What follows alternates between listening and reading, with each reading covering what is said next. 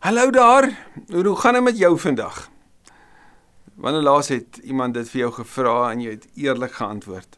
So antwoord hom soms mos net so. Goed en jy? Ons is by die laaste punt, die laaste hoofstuk, die laaste deel van hierdie kosbare brief aan die gemeente in Filippi gekom. Filippense 4 se laaste deel. Hierdie brief van blydskap. Ek hoop so dat wanneer jy vandag sou antwoord, sou jy sê baie bly, dankie. Want ons het verlede week gesien hoe Paulus vir ons redes gee oor hoekom ons kan bly wees. Om te leef met 'n fokus op die Here, om te leef in die teenwoordigheid van die God wie se vrede kom wag staan soos 'n soldaat oor my hart en my gedagtes. Om te leef met 'n opdrag Wees bly, ek herhaal, wees bly in die Here. Om te leef met hierdie fokus op inskikkelikheid teenoor alle mense. Om te leef met die wete dat wat ook al ek hier binne voel, wat ook al begeertes ek het, hoe persoonlik dit ook al is, om dit met gebed en smeking en met danksegging aan God bekend te maak. En wanneer Paulus sê waarop moet ons fokus? Ek hoop so jy het ingeoefen die week wat verby is. As jy nie het nie, wel daar's nou altyd vandag en as altyd die toekoms en Paulus het ons geleer maak jou los van wat agter is en strek jou uit na wat voor is maar daai woorde van inskikkelikheid wat hy dan opvolg met gee alles vir die Here en dan dink aan dit wat reg en mooi en edel en prysenswaardig en lofwaardig is daarop moet die hele gedagtes rig en dan Paulus natuurlik gesê volg my voorbeeld wat ek dink wat ek doen wat ek gesê het wat ek geleer het wat julle by my gekry het doen dit en toe die belofte God se vrede So as ek vra hoe gaan dit? Hoop ek jy sê vol blydskap en vol vrede. As jy dalk by ons inskakel en jy wil meer weet van hierdie vredefors. Meer weet dalk van van hierdie brief, daai vorige video's alles beskikbaar, die notas ook. Maar as jy vandag by ons inskakel, wil ek jou herinner aan die vredefors. Dis binnekort Kerstyd en ons dink aan die vredefors wat gekom het om die vrede te herstel die vredevors wat die prys betaal het in die stad van vrede vir ons vrede. Die lam wat vir jou lief is. Mag jy vandag hoor en weet dat hy vir jou so omgee. Mag God se woord ons almal aan die hart gryp ook vandag. Amen. Kom ons bid. Dankie Jesus vir vandag. Dankie vir hierdie een geleentheid. Hierdie een dag wat ons nooit weer kry nie.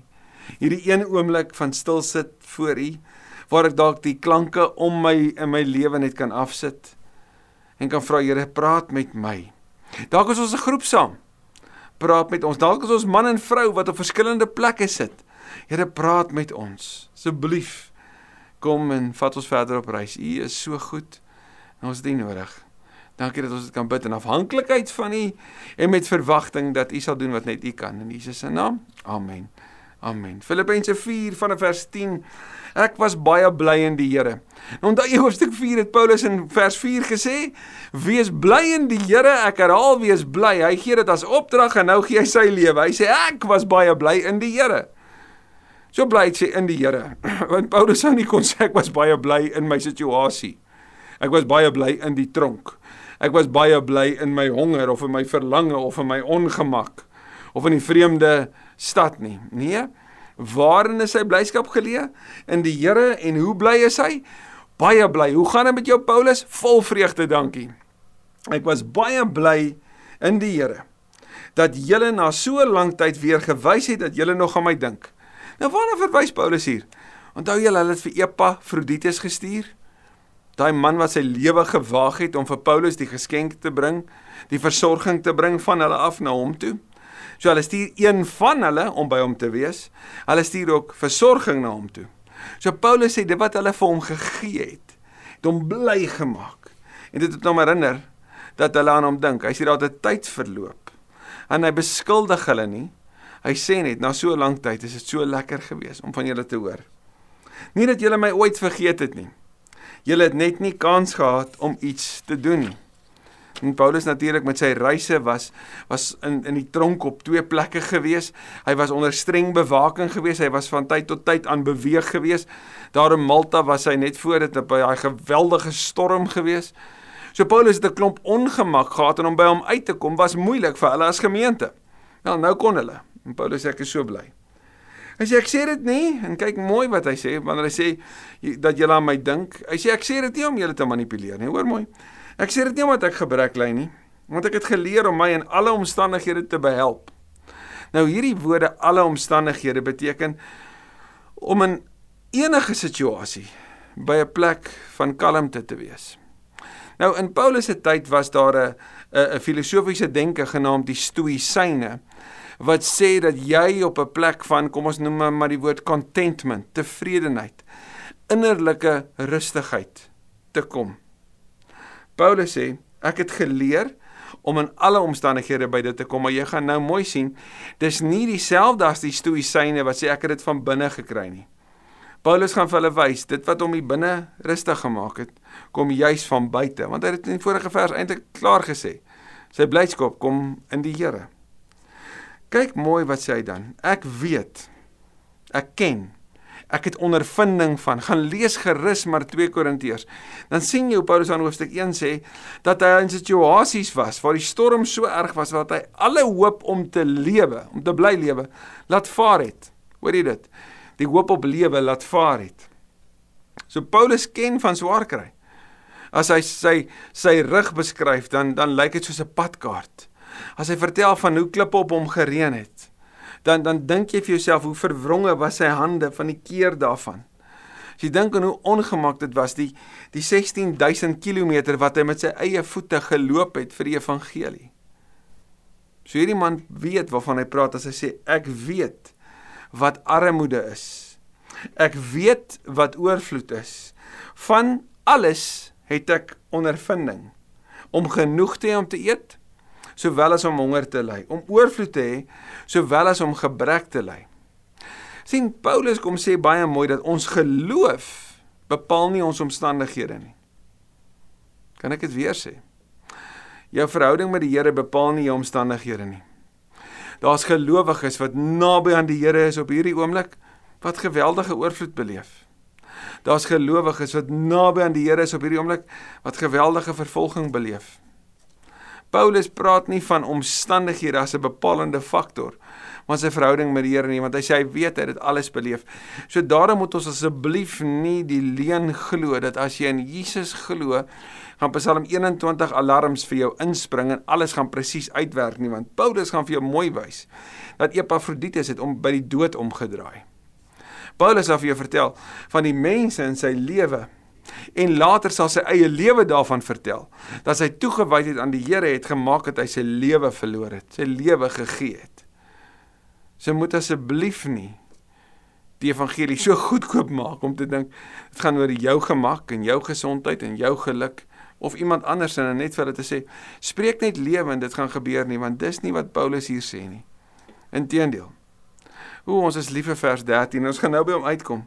Hulle was so so lief dat sommige dit as 'n tatoe op hulle bors sit. Die Fijiane sit dit op hulle rugby treye. Dis 'n wonderlike lekker motivering. Maar dit kom op die rug van die vorige. Ons moet asseblief nooit 'n vers uit konteks uithaal nie. Lees die vorige, lees dit wat daarna kom sodat jy dit daar binne kan sien. Lees hoe dit werk binne in 'n boek. En kyk mooi hoe Paulus en ons het mos nou al gesien hoe hy oor blydskap praat en dan praat hy van verdriet op verdriet en dan weer oor blydskap. So hy praat van 'n lewe waar jou emosies baie eg is. Maar mooi oor mooi. Hy sê ek weet wat oorvloed is en ek weet wat is om gebrek te ly. Ek is tot alles in staat. Daar's die stoïsyne. Ek kan alles hier binne behaal. Hy sê deur hom wat my krag gee. Nie deur my eie vermoë nie. Kom nie van binne af nie. Sê ekie. Deur hom wat my krag gee, daai dinamus, daai daai impakterende krag van die omstandighede verander. Paulus sê hy gee my krag. En dan draai weer na hulle toe. Nietemin het julle goed gedoen deur my in my moeilike omstandighede by te staan. Dit is die rol van gelowiges in mekaar se lewe. Bystand, ondersteuning. En hy sê dit was goed. Jy het so min kans gehad om dit te doen. Jy het lank tyd nie kans gehad nie. Toe doen julle dit, skuis tog. Jy het my bygestaan. Julle in Filippi weet ook en hier praat Paulus baie mooi vanuit 'n baie besondere hoek oor die rol van gelowige ondersteuning van gelowiges in hul dienswerk. Dit moet nooit op 'n plek kom waar dit is dat ek gee vir jou of ek ondersteun jou so nou skuld jy my nie. Ek ondersteun jou so nou sal jy praat volgens my riglyne en my woorde nie. Ek onthou ek het jare terug sjokolade gekyk.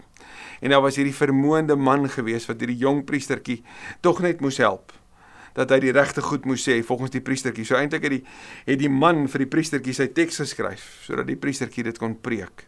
Die jong prediker. Want hy moes preek teen die sjokolade winkel wat nie op die dorp was. Hy moes daar teen preek dit is sleg. Totdat die man self die sjokolade geproe en dit sy lewe verander het. Paulus praat van dit. Hy sê julle in Filippi weet ook dat in die begin van my evangelie prediking, nou onthou mooi Handelinge 16, na my vertrek uit Macedonië geen enkele gemeente behalwe julle 'n aandeel gehad het aan my rekening van inkomste en uitgawes nie. So julle kyk hoe mooi en hoe spesiaal is hulle vir hom. Julle het my gehelp om te werk in ander gemeentes. Ook toe ek in Tessalonika was, het julle meer as eenmal iets vir my behoeftes gestuur. So terwyl ek daar gewerk het, het julle my geseën om dit daar te doen.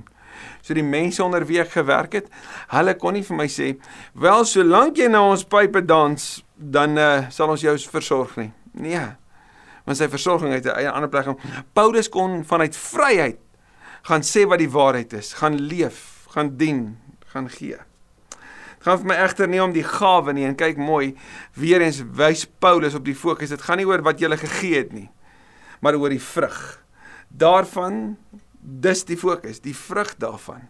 Gaan nie oor die gawe nie, maar oor dit wat gebeur het, lewensverandering, mense wat gered is. So julle gawe het deur my 'n gawe verander geword en die vrug daarvan is ook vir julle sigbaar. Daardeur word julle self ryker. So met ander woorde wanneer ons bydra of dit nou in 'n gemeente konteks is of dit nou in 'n sendeling konteks is of wat ook al wanneer ons bydra en ons sien dit gebeur dan sal Paulus sê laat die vrug van wat daar gebeur julle bemoedig om weer te gee. Want julle is medewerkers julle neem deel daarin. Maar ek het alles ontvang sê Paulus en ek het meer as genoeg. Nou ekskuus nou dat ek van Epafroditus ontvang het wat julle gestuur het het ek alles wat ek nodig het. Wat 'n lekker plek om te wees Paulus wat sê julle het so goed na my gekyk. Ek wil vir julle so dankie sê. En die vrug daarvan moet vir julle sigbaar wees. Julle gawe is voor God 'n offer met 'n lieflike geur wat vir hom aanneemlik en welgevallig is.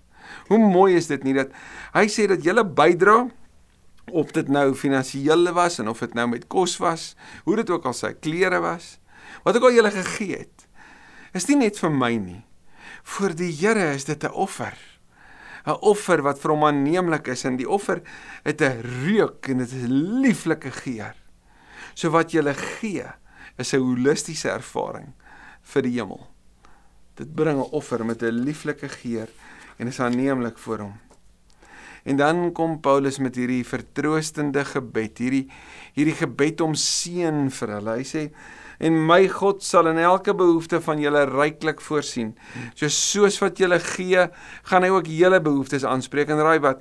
Deur julle gee is my behoeftes ook aangespreek. sien jy hoe werk die kerk? Hoe werk die liggaam van Jesus?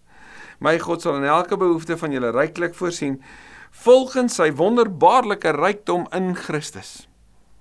Die rykdom in Christus, die evangelie, die verlossing, alles wat daarin is die gemeenskap van gelowiges waarvan jy kan deel wees. Aan God die Vader behoort die heerlikheid tot in ewigheid. Amen. Hierdie hierdie gebed aan die einde wat praat oor die heerlikheid is ook die woord aan die begin dat die eer en die heerlikheid die Here toe kom. En dan Paulus se slotwoorde. Baie persoonlike woorde. Groete aan almal wat aan God behoort so almal wat 'n verhouding het en hier wys hy hoe nie deur hulle godsdiens nie, nie deur hulle etniese affiliasie of agtergrond nie, nie deur hoe hulle gebore is nie, maar nee, deur Christus Jesus. Hoe is ons aan God gebind? Deur Jesus. Die broers hier by my, die gelowiges om my en en dis die die dit sal dan waarskynlik ook Epafroditus en Timoteus en dalk 'n ander klomp ook insluit. Stuur vir julle groete. Mooi brief, né? Nee? Ook al die gelowiges en veral die wat aan die huis van die keiser verbonde is. Wag net gou. Hulle weet mos nou dat Filippi is 'n is is 'n afbeelding van die Romeinse kolonie. Die keiser is verskriklik belangrik in Rome. So vir die Romeine in Filippi is hy verskriklik belangrik. En nou kom sê Paulus, dit wat hulle gegee het, die vrug daarvan is dat daar gelowiges is wat aan die huis van die keiser behoort. Wat vir hulle groete stuur. Die huis van die keiser se mense stuur vir julle groete. Hoe kosbaar is dit nie om te vertel van die pariteit, die gelykheid in God se gesin. Maar vir die gemeente in Filippi moet hulle sê hoe wonderlik dat dit wat ons gegee het soveel bereik het, ja tot aan die hoogste echelon van die samelewing van daai tyd. Ook die wat in die huis van die keiser verbonde is, stuur vir julle groete. En dan Paulus se mooi woorde: Die genade van die Here Jesus Christus sal by julle wees. Daai geskenk aan God die heerlikheid. God se goedheid sal by julle wees. My God sal ryklik in julle behoeftes voorsien soos wat julle gee, want wat julle gee is 'n wonderlike offer voor God. Ek sê nie dat ek dit al alles het nie. Ek sê nie dat ek al alles bereik het nie. Ek sê nie dat ek alles wonderlik beleef nie, want ek weet wat dit is om min te hê en ek weet wat dit is om baie te hê. Ek is tot alles in staat en omdat jy vir my gegee het, het ek nou meer as genoeg. Daarom aan hom die eer en aan julle as die gemeente in Filippi my gebed dat julle sal weet dat julle vrug, die vrug van julle gee, tot daar bedien. En dat wat julle gee, ook in julle warte wat julle gee, voor God 'n offer bring met 'n lieflike geur. Wat 'n wonderlike aanmoediging om te bly gee. Wanneer Paulus vir die gemeente in Korinte skryf oor die bydraes van die gemeentes in Macedonië. Dis nou ook waarvan Filippi deel is. Wat gesê het hulle wil so graag gee vir die arm gemeente in Jerusalem want die kerk in Jerusalem het swaar gekry want met al hulle gee en hulle weggee en hulle huise verkoop en hulle deel met die met die nuwe gelowiges het daar moeilikheid gekom toe hongersnood kom. So toe sê hierdie gemeentes in Macedonië, Tessalonika, Berea, Filippi ensovoorts. Ons wil gee sodat Jerusalem kan kry. Skryf Paulus vir die gemeente in Korinte en dis in Galate hieronder. Macedonië lê bo en natuurlik heel bo is Rome. Sê Paulus vir Galate, soos wat hy op pad is hieronder na Jerusalem toe. Ek wil vir julle sê julle was eerste om te begin om hierdie te doen. Maak die werk klaar. Maar weet jy wat Korinte? Die gemeentes in Macedonië het my daarop aangedring om te mag deel in die liefdeswerk van hulpverlening vir die gemeentes daaronder. Wat 'n mooi begrip. Die Griekse woord daar is koinonia, maar die woord is die liefdeswerk van hulpverlening. Hoe lyk daai liefdeswerk van hulpverlening? Dis 'n lieflike geur. Wat is die gevolge van die liefdeswerk van hulpverlening? Vrug. Waartoe word hulle opgeroep? Deel daarin. Gee. Gee nie uit plig of skuld of ongemak of dwang nie gee met 'n blymoedige hart want daar's 'n liefdeswerk van hulpverlening wat gebeur. Wat 'n wonderlike bemoediging vir hierdie bitter persoonlike brief van 'n pa aan sy geestelike kinders. Daaroor sou hulle verseker baie bly gewees het. Amen. Kom ons bid. Liewe Here, dankie vir hierdie wonderlike reis die laaste 8 weke. Here, ons kan niks daarvan onsself spreekend aanvaar nie. En ek sê so dankie Here nou al reeds vir die vrug ook hiervan. Dankie ook vir hulle wat deel in die liefdeswerk van hulpverlening sodat hierdie kan gebeur. En Here as daar dalk iemand nou is wat toer aan die ander kant van die wêreld sit wat in 'n konteks is waar daar nood is, bid ek so dat die hulpverlening wat daar moet gebeur, dat dit sal geskied. Dankie dat ons kan deel in 'n 'n gemeente se werk beide plaaslik en internasionaal wat fokus op hierdie liefdeswerk van hulpverlening of dit is om sendelinge uit te stuur en te bemagtig of om by droogtehulp uit te kom of dit is om kinders toe te rus of vir tieners ruimtes te skep waar hulle u onbevange kan dien of dit is om die woord suiwer te verkondig of ruimtes te skep waar mense in groepe bymekaar kan kom of dit is om mense te bemoedig wanneer hulle geliefdes aan die dood afstaan of ander buite staan wanneer die hartseer van gebroke verhoudings beleef. Hoe dit ook al sy en op al die vlakke waarin ons die voorreg het om 'n verskil te kan maak, wil ons net vir sê dankie vir elke gelowige wat bydra sodat dit kan gebeur. Mag U Here ook ryklik voorsien in die behoeftes van U kinders. Mag U ons seën om 'n seën vir ander te wees. Want U is die gewer van alle goeie gawes en deur U is ons tot alles in staat want U is die een wat ons krag gee en daarvoor loof ons U in Jesus se naam. Amen. Amen. Ons beplande reis vir die volgende 2 weke voordat ons afsluit vir die jaar is om die laaste boek van die Ou Testament so oor in 'n reeks van 2 weke met 'n voelvlug oor te gaan. Maar diep genoeg dat dit ons weer in die hart sal gryp. En dis die boek van Maleagi. Maleagi 1 en 2 volgende week DV as die Here wil en daarna die laaste twee hoofstukke so met die oog op Kersfees, Christusfees. Die koms van die Messias wat ons vier. Mag jy 'n besondere mooi dag hê. Tada.